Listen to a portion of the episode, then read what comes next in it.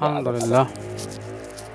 والصلاة والسلام على رسول الله أبينا محمد وآله وصحبه ومن والاه. أشهد أن لا إله إلا الله وحده لا شريك له وأشهد أن محمدا عبده ورسوله.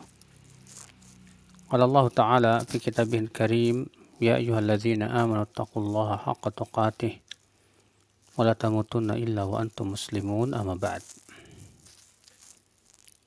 Ayo ikhwah, kita akan memulai kajian Sahih Al-Bukhari. Kita masuk ke kitab yang pertama dari Sahih Bukhari, kitab Bad'il Wahyi.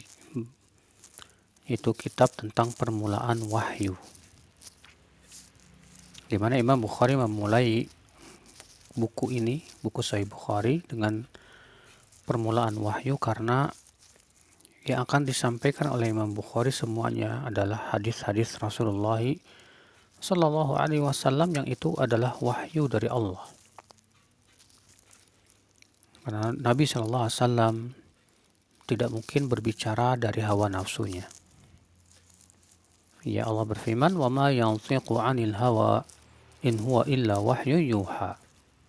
Tidaklah Muhammad SAW berbicara dari hawa nafsunya akan tetapi adalah wahyu yang Allah wahyukan kepadanya. Maka di sini beliau ya memulai kitab Sahih Bukhari dengan kitab Badil Wahyi, permulaan wahyu.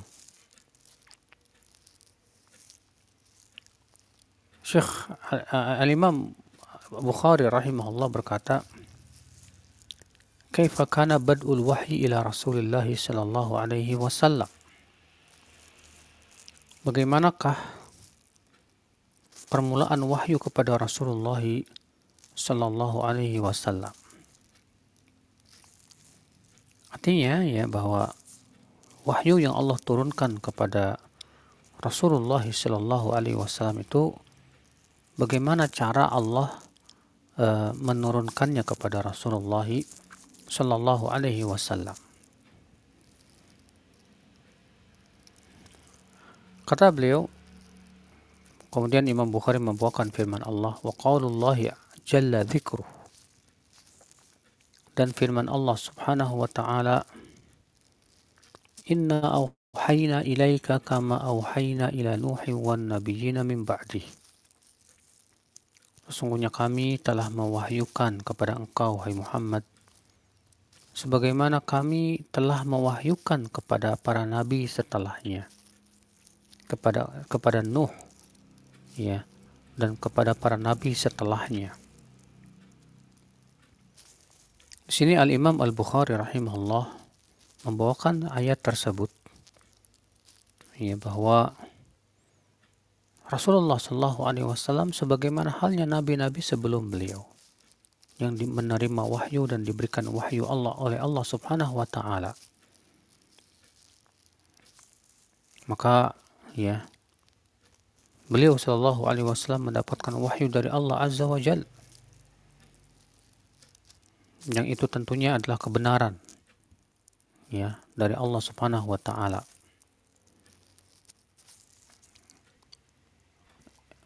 Kemudian Imam Bukhari rahimahullah dia berkata Haddatsana nomor hadis nomor satu ya Hadis nomor satu, beliau Imam Bukhari rahimahullah berkata, Haddathana Al-Humaydi. Siapakah Humaydi ini? Namanya Abdullah bin Zubair bin Isa bin Ubaidillah bin Usama bin Abdullah bin Humaid bin Zuhair Al-Qurashi Al-Asadi Al-Humaydi Abu Bakar Al-Makki. Beliau itu orang Makkah Nah, di sini tampak sekali kesesuaian Imam Bukhari membawakan hadis ini dari yang pertama ini dari periwayatan Al-Humaidi. Kenapa? Karena beliau ini orang Mekah. Sedangkan wahyu yang pertama kali turun di Mekah. Iya. Al-Humaidi ini seorang perawi yang fiqah yang wafat tahun 219 Hijriah. Kemudian beliau berkata, Haddatsana Sufyan. Al-Humaidi ya meriwayatkan dari Sufyan bin Uyainah bin Abi Imran Maimun Al-Hilali Abu Muhammad Al-Kufi Al-Makki Sufyan bin Uyainah ini adalah merupakan guru daripada Imam Suf, Imam Asy-Syafi'i rahimahullah. Qala haddatsana Yahya bin Sa'id Al-Ansari. Yahya bin Sa'id bin Qais bin Amr bin Sahl. Al-Ansari An-Najjari Al-Madani. قال أخبرني محمد بن إبراهيم التيمي محمد بن إبراهيم بن الحارث بن خالد أبو عبد الله المدني أنه سمع القمة بن وقاص الليثي يا المدني أبو يحيى Yaqulu sami'tu Umar ibn Khattab radhiyallahu anhu alal mimbar. Aku mendengar Umar bin Khattab ya di atas mimbar.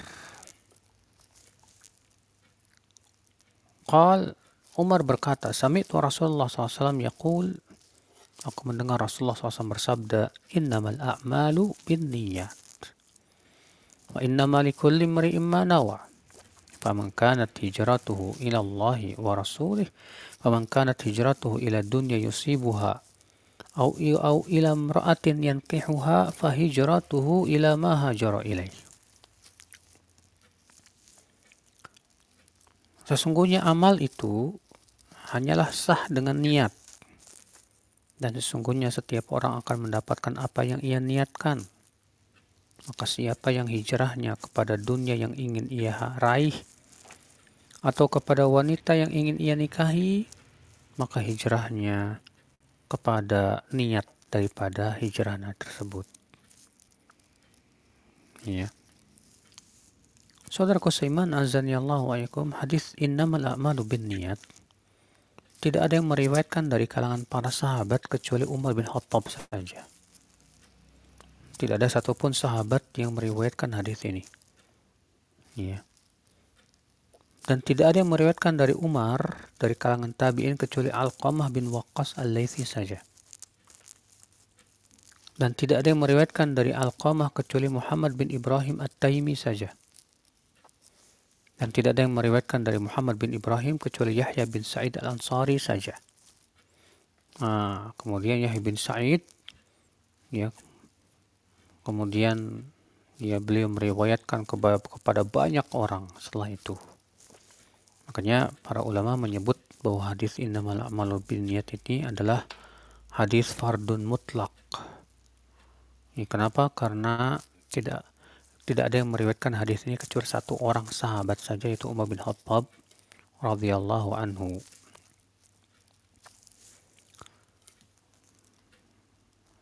Seakan Imam Bukhari, kata para ulama, ya, ingin membantah orang yang menolak hadis ahad.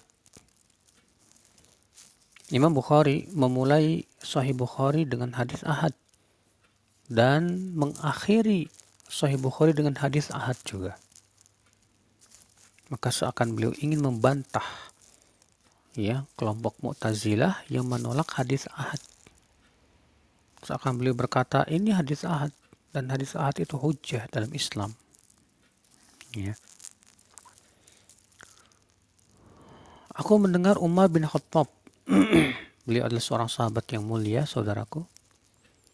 Umar bin Khattab memiliki banyak keistimewaan. Apa sih kok keistimewaan Umar bin Khattab? Yang pertama beliau sudah dijamin masuk surga oleh Rasulullah SAW. Yang kedua beliau manusia terbaik setelah Abu Bakar. Ya. Yang ketiga, Rasulullah SAW menyaksikan keimanan Umar. Di mana saking kuatnya Umar, kata Rasulullah sampai-sampai kalau Umar melewati satu jalan dan setan melewati jalan yang sama, maka setan itu akan menyingkir.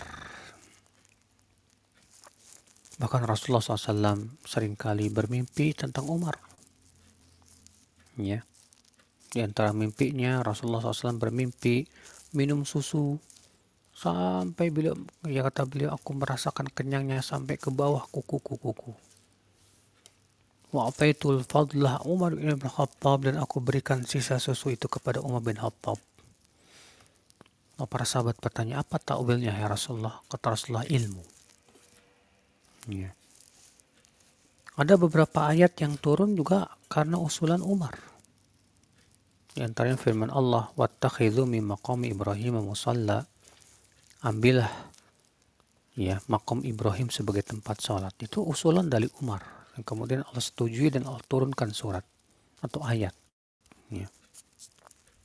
Ketika Umar berharap agar diturunkan ayat hijab dan Umar merasa risih melihat istri-istri Nabi SAW keluar rumah dalam keadaan terlihat rambutnya dan lehernya.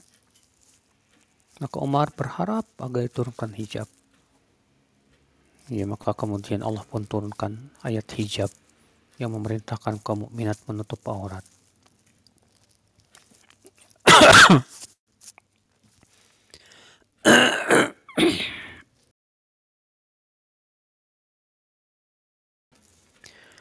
Jadi saudaraku, ya Umar bin Khattab, Masya Allah.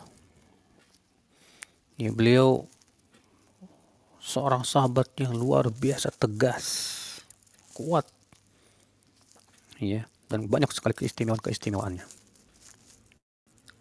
Ia berkata, aku mendengar Rasulullah SAW bersabda, innamal a'malu bin niyat. Sesungguhnya hanya saja al-amal, amal-amal itu dengan niat. Ya, kata in nama dalam hadis ini disebut oleh para ulama sebagai adatul hasri, alat untuk membatasi. Ya, artinya di sini amalan keabsahannya dibatasi dengan niat.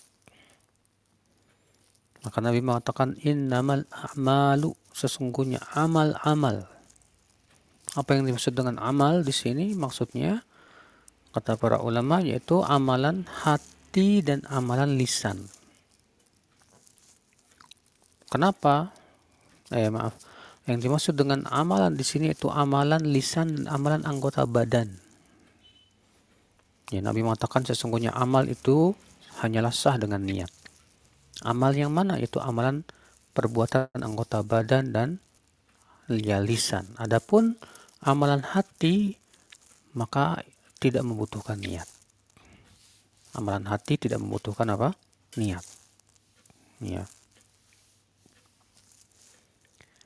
Innamal a'malu bin niat. Kata ba di dalam bin niat mempunyai makna musahabah, menemani. Sehingga itu menunjukkan bahwa niat harus menemani amal dari awal sampai akhir. Maka tidak boleh diputus. Ya. Innamal a'malu bin niat. Sesungguhnya amal itu hanyalah sah dengan niat. Artinya dengan disertai oleh niat. Adapun kalau tidak ada niat maka tidak sah. Wa inna malikul manawa. Nah, sekarang apa itu niat? Niat, saudaraku sekalian, ya, secara bahasa artinya al-qasdu, bermaksud. Sedangkan secara istilah, niat adalah qasdu taqarrubi ilallah. Bermaksud untuk bertakarub kepada Allah subhanahu wa ta'ala. Ketahuilah saudaraku bahwa niat itu ya tempatnya di hati. Semua ulama sepakat bahwa niat itu tempatnya di hati dan tidak apa namanya tidak wajib dilafalkan tidak pula sunnah atas pendapat yang sahih tidak disunnahkan melafalkan kenapa karena Nabi SAW tidak pernah melafalkan niat Nabi SAW tidak pernah melafalkan niat saudaraku sekalian ya maka dari itu orang yang melafalkan niat sama sekali tidak memiliki dasar dari Rasulullah SAW. Ketika seseorang hendak sholat melafazkan niat, kita katakan mana dalilnya bahwa Rasulullah SAW melafazkan niat ketika hendak sholat. Ya, sementara kewajiban kita adalah mengikuti Rasulullah SAW. Kalau Rasulullah tidak melakukan ya jangan lakukan dong. Kalau Rasulullah lakukannya, kita wajib lakukan. Ya kita berusaha untuk lakukan dong.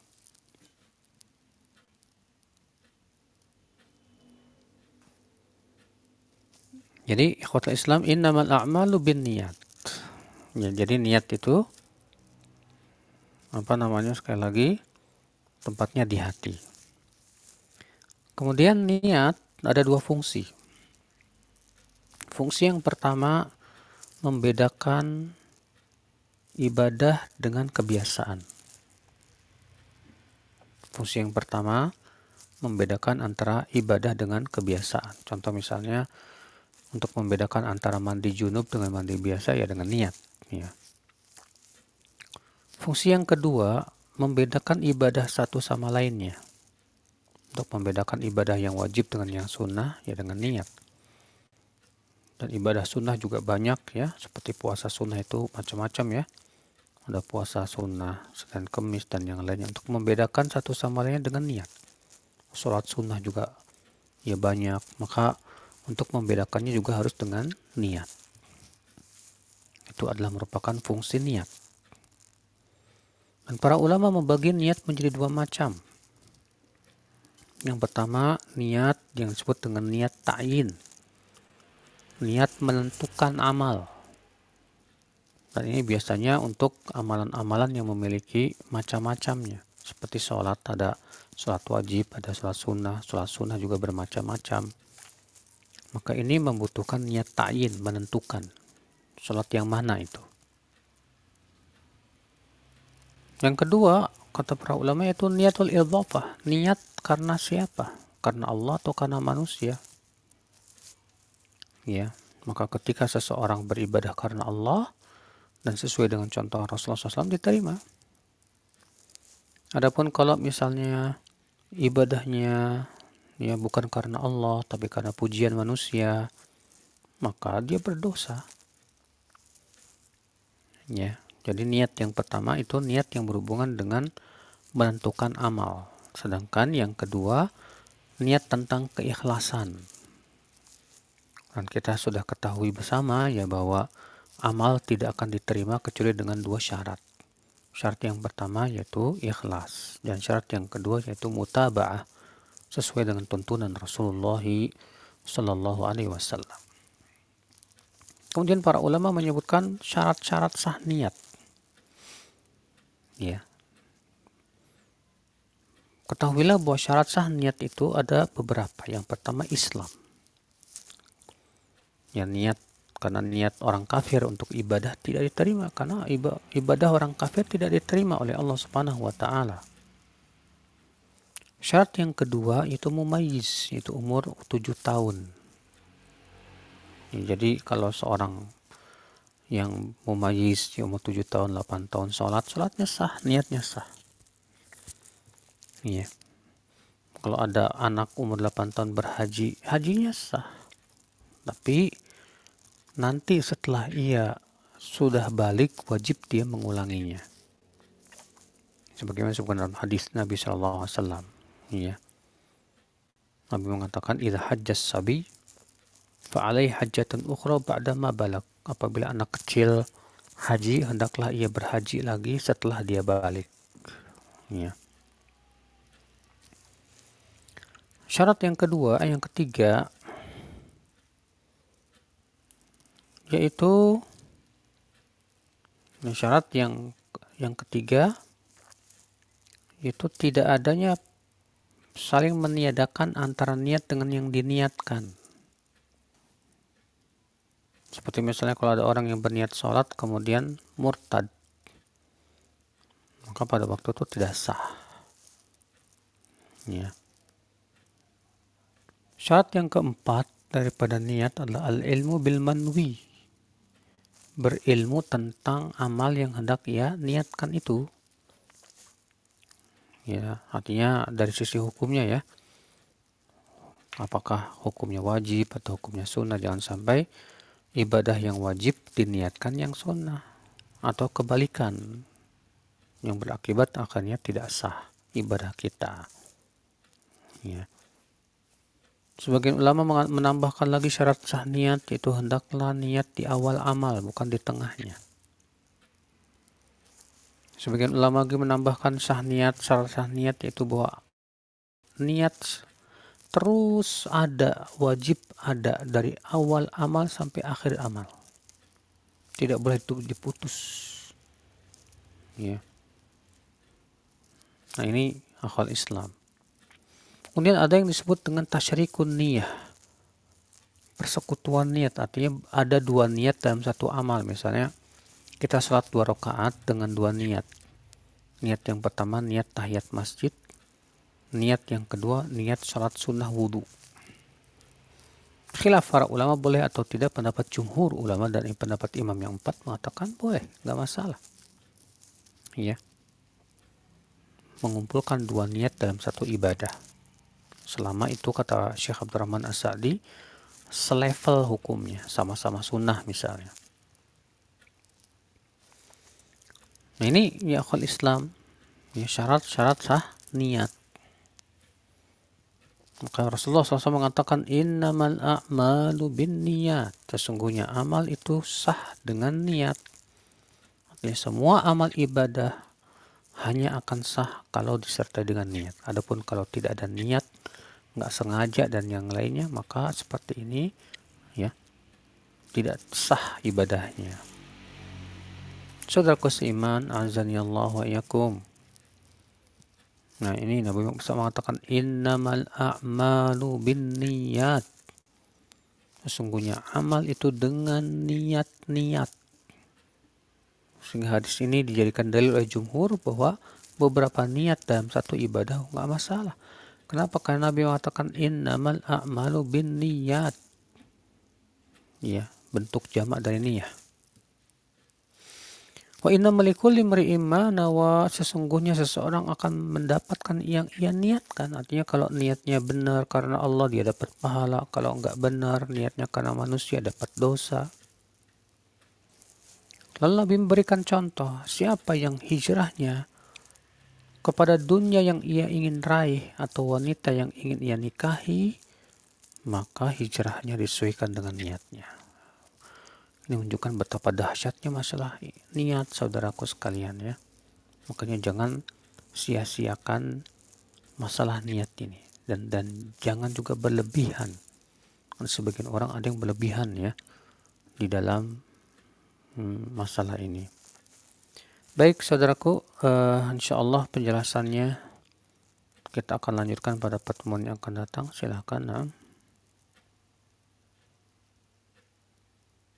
Baik Ustaz, jazakallah khairan atas ilmu yang telah Antum sampaikan dan teman-teman sekalian kita masuk ke sesi tanya jawab. Kita punya waktu kurang lebih 15 menit untuk bersoal jawab dengan guru kita. Karena coba untuk atur ya satu-satu. Ada Bu Yumiati dan Pak Saleh Haji. Silakan Bu Yumiati untuk bertanya langsung kepada Ustaz satu pertanyaan singkat padat tanpa melembutkan suaranya. Barakallahu fikih. Bu Yumiati monitor. Baik, Pak Saleh monitor. Ya, oh, Bismillah. Halo. Halo. Ya silakan Bu, kedengaran Bu suaranya. Ya, ya Bismillah. Assalamualaikum warahmatullahi wabarakatuh. Uh, uh, Ustaz saya mau tanya satu hal ini uh, masalah wudhu masalah wudhu, uh, waktu itu kan Rasul pernah berwudhu ketika pakai sorban hanya apa namanya, uh, rambutnya sedikit gitu ya, kemudian mengusap surbannya gitu. Uh, nah pertanyaan saya, uh, bagaimana dengan telinganya itu, uh, Ustadz? Ketika beliau menggunakan sorban, lalu apakah telinganya itu juga, uh, diusap juga? Terima kasih.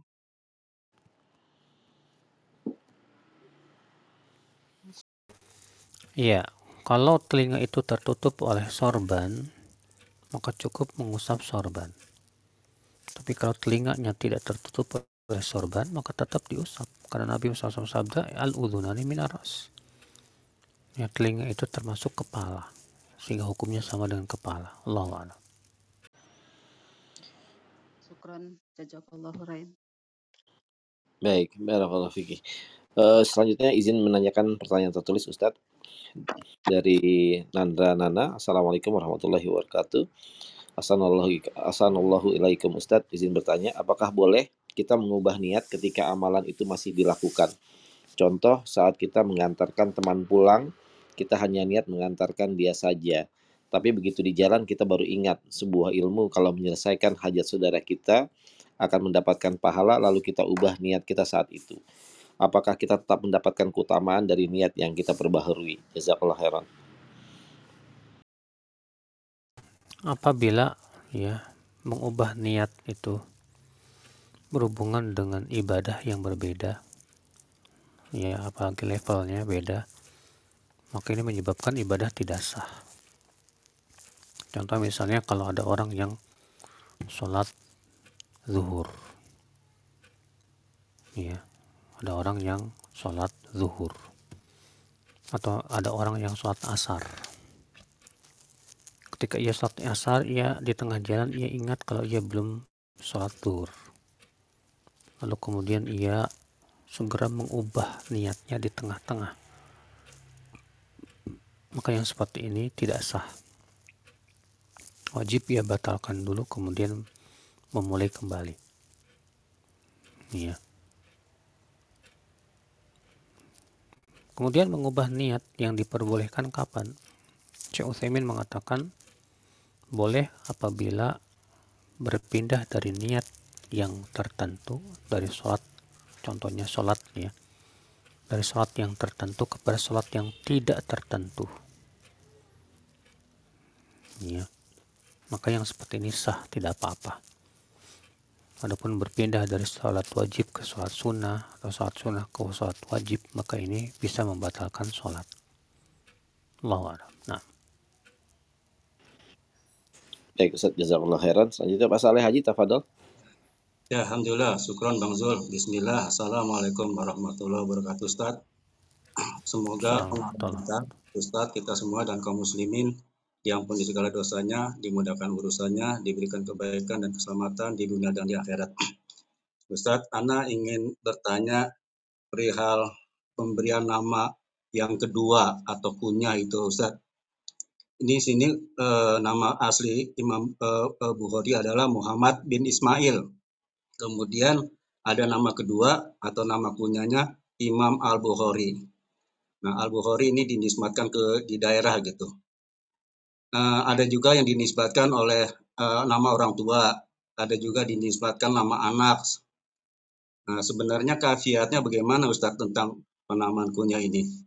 Lalu apakah ini sunnah? Kemudian tentang nama imam di depan Al-Bukhari itu Ustaz apakah nama imam di Al-Bukhari itu dikarenakan eh, Al-Bukhari mempunyai uh, sekelompok murid begitu. Nah, sehingga dinamakan imam atau seperti apa uh, tentang penamaan imam di nama ini Ustaz. Uh, Sukron jazakumullah khairan barakallahu fikum. Uh, ketahuilah ya, di sana ada nama, ada gelar, ada kunyah dan ada nisbat. Ada gelar, ada nama, ada kunyah dan ada nisbat. Ya. Imam Bukhari Bukhari itu apa sih? Nama bukan, bukan. Itu bukan nama. Tapi apa dong? Nisbat. Nisbat kepada Bukhara. Adapun nama beliau siapa? Muhammad bin Ismail. Adapun kunyah beliau siapa? Abu Abdullah. Jadi ada tiga ini ya. Tolong bedakan ya. Ada isim, nama. Ya. Ada kunyah. Kunyah itu dinisbatkan kepada bapak atau anak. Ada lagi nisbat. Itu nisbat kepada suatu negara atau suatu tempat jadi Al-Bukhari itu bukan nama, tapi itu adalah nisbat kepada Bukhara. Ya. Pertanyaan selanjutnya apa ya? Saya lupa. Eh, ya, apakah penamaan kedua itu sunnah atau Pak Ustadz? Menggunakan kita menggunakan nama kedua, memberikan nama kedua begitu. Dan yang memberikan nama ini apakah orang tuanya atau yang bersangkutan yang memberikan nama sendiri Ustadz? Tidak ada sunnahnya, tidak ada dalilnya punya nama dua. Ya, kita cukupkan dengan satu nama itu lebih baik. ya, karena para sahabat pun rata-rata namanya satu aja para nabi juga demikian Allah alam Syukron Ustaz, jazakumullah khairan barakallahu fikum. Ya, Fik Barakallah Pak Saleh. Selanjutnya, Ah Cakra, Tafadol. Satu pertanyaan singkat dan padat.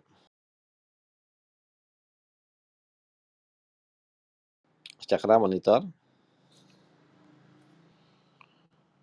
Baik, eh, belum direspon, kita bacakan pertanyaan tertulis. Halo, Assalamualaikum. Oh ya, Waalaikumsalam warahmatullahi wabarakatuh. Tafadol pertanyaan pada Ustaz. Uh, Ana ingin bertanya, Ustaz.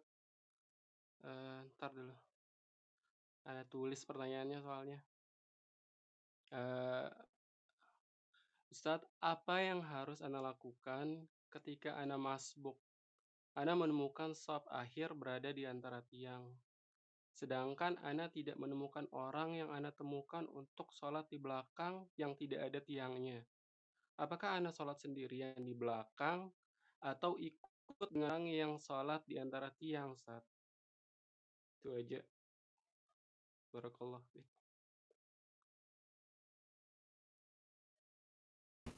pertanyaannya saya kurang jelas ya Pak Bisa diulang Pak Cakra lebih lebih jelas lagi.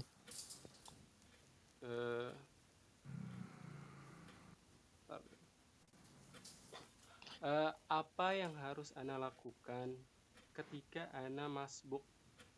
Ana menemukan sop akhir berada di antara tiang. Sedangkan Ana tidak menemukan orang yang Ana temukan untuk Ana sholat di belakang yang tidak ada tiangnya. Apakah Ana sholat sendirian di belakang atau ikut dengan orang yang sholat di antara tiang? atau ikut dengan apa Sholat dengan orang yang ada di sholat antara tiang. tiang. Iya. Eh, pertama, yang dimaksud dengan sholat di antara tiang adalah ketika tiang itu memisah saf. Ya, ketika tiang itu yang memisah saf. Adapun kalau di antara tiang itu saf- safnya bersambung, tidak dipasti dipisah oleh tiang, ya maka yang seperti ini boleh sholat di situ. Adapun kalau misalnya safnya terputus oleh tiang, maka yang dibalik tiang itu kita jangan sholat di situ, karena terputus. Ya demikian. Jadi apa namanya? Kalau antum nggak dapat orang, iya, apa yang harus antum lakukan? Antum bisa coba berusaha untuk masuk ke saf yang ada di depan itu. Kalau tidak bisa juga ya sudah terpaksa sholat di belakang sendirian. Nah, Baik, Cakra udah jelas ya. Satu pertanyaan terakhir Ustaz dari Hilwani, Tafadol, Ahmad Hilwani, satu pertanyaan. Baik Bang Zul, syukran Bang Zul. Bismillah, Assalamualaikum warahmatullahi wabarakatuh. Uh, semoga Ustadz dan keluarga dan juga kaum muslimin di mana pun berada senantiasa dalam lindungan Allah Subhanahu Wa Taala. Amin. Ustadz, mohon penjelasannya apa yang dimaksud dengan niat yang berlebihan dan seperti apa contohnya. Jazakallah khair Ustadz. niat yang berlebihan maksudnya apa? Ya. Niat yang berlebihan yaitu di antaranya yang pertama melafazkannya. Ya. Padahal Nabi SAW tidak pernah mencontohkan niat dengan melafazkan niat. Berarti kalau ada orang yang melafazkan niat ini termasuk berlebihan. Ini dalam artian melebihi ya perkara yang disyariatkan oleh Rasulullah Sallallahu Alaihi Wasallam. Ini niat yang berlebihan. Ya. Adapun niat yang lainnya, apakah bisa disebut berlebihan? Ya, ketahuilah bahwa apabila seseorang be berniat beberapa ibadah di dalam satu ibadah boleh. Dan itu tidak berlebihan juga. Atas pendapat yang rajih dan yang sahih. Kemudian juga seorang hamba yang ketika berniat itu berusaha ya dalam artian sesuai dengan tuntunan Rasulullah SAW dalam artian kalau kita ingin meniatkan ibadah dari suatu ibadah maka kita cari dulu ada apakah sesuai dengan tontonan Rasulullah SAW atau tidak. Ya kemudian keikhlasan. Allah alam itu yang saya tahu dari ya bentuk berlebihan dalam niat. Nah Baik, Bang Hilwani. Sudah terjawab ya, Bang? Baik, Ustaz. Sudah, sudah Bang. Alhamdulillah. Baik. Ustaz, tadi merupakan pertanyaan terakhir dan kita sudah sampai di sesi kajian kita pada malam hari ini, Ustaz. Dan sebelum kita tutup, mohon kami untuk diberikan intisari dari pertemuan kita pada malam hari ini, Ustaz. Barakallahu fiik. Ya, jadi kewajiban kita adalah benar-benar memperhatikan masalah niat. Sebab niat menentukan keabsahan amal. Kalau kita sembarangan, sembrono, tidak memperhatikan masalah niat berakibat fatal yaitu tidak diterimanya amalan kita. Ya, demikian wabillahi taufik. Assalamualaikum warahmatullahi wabarakatuh.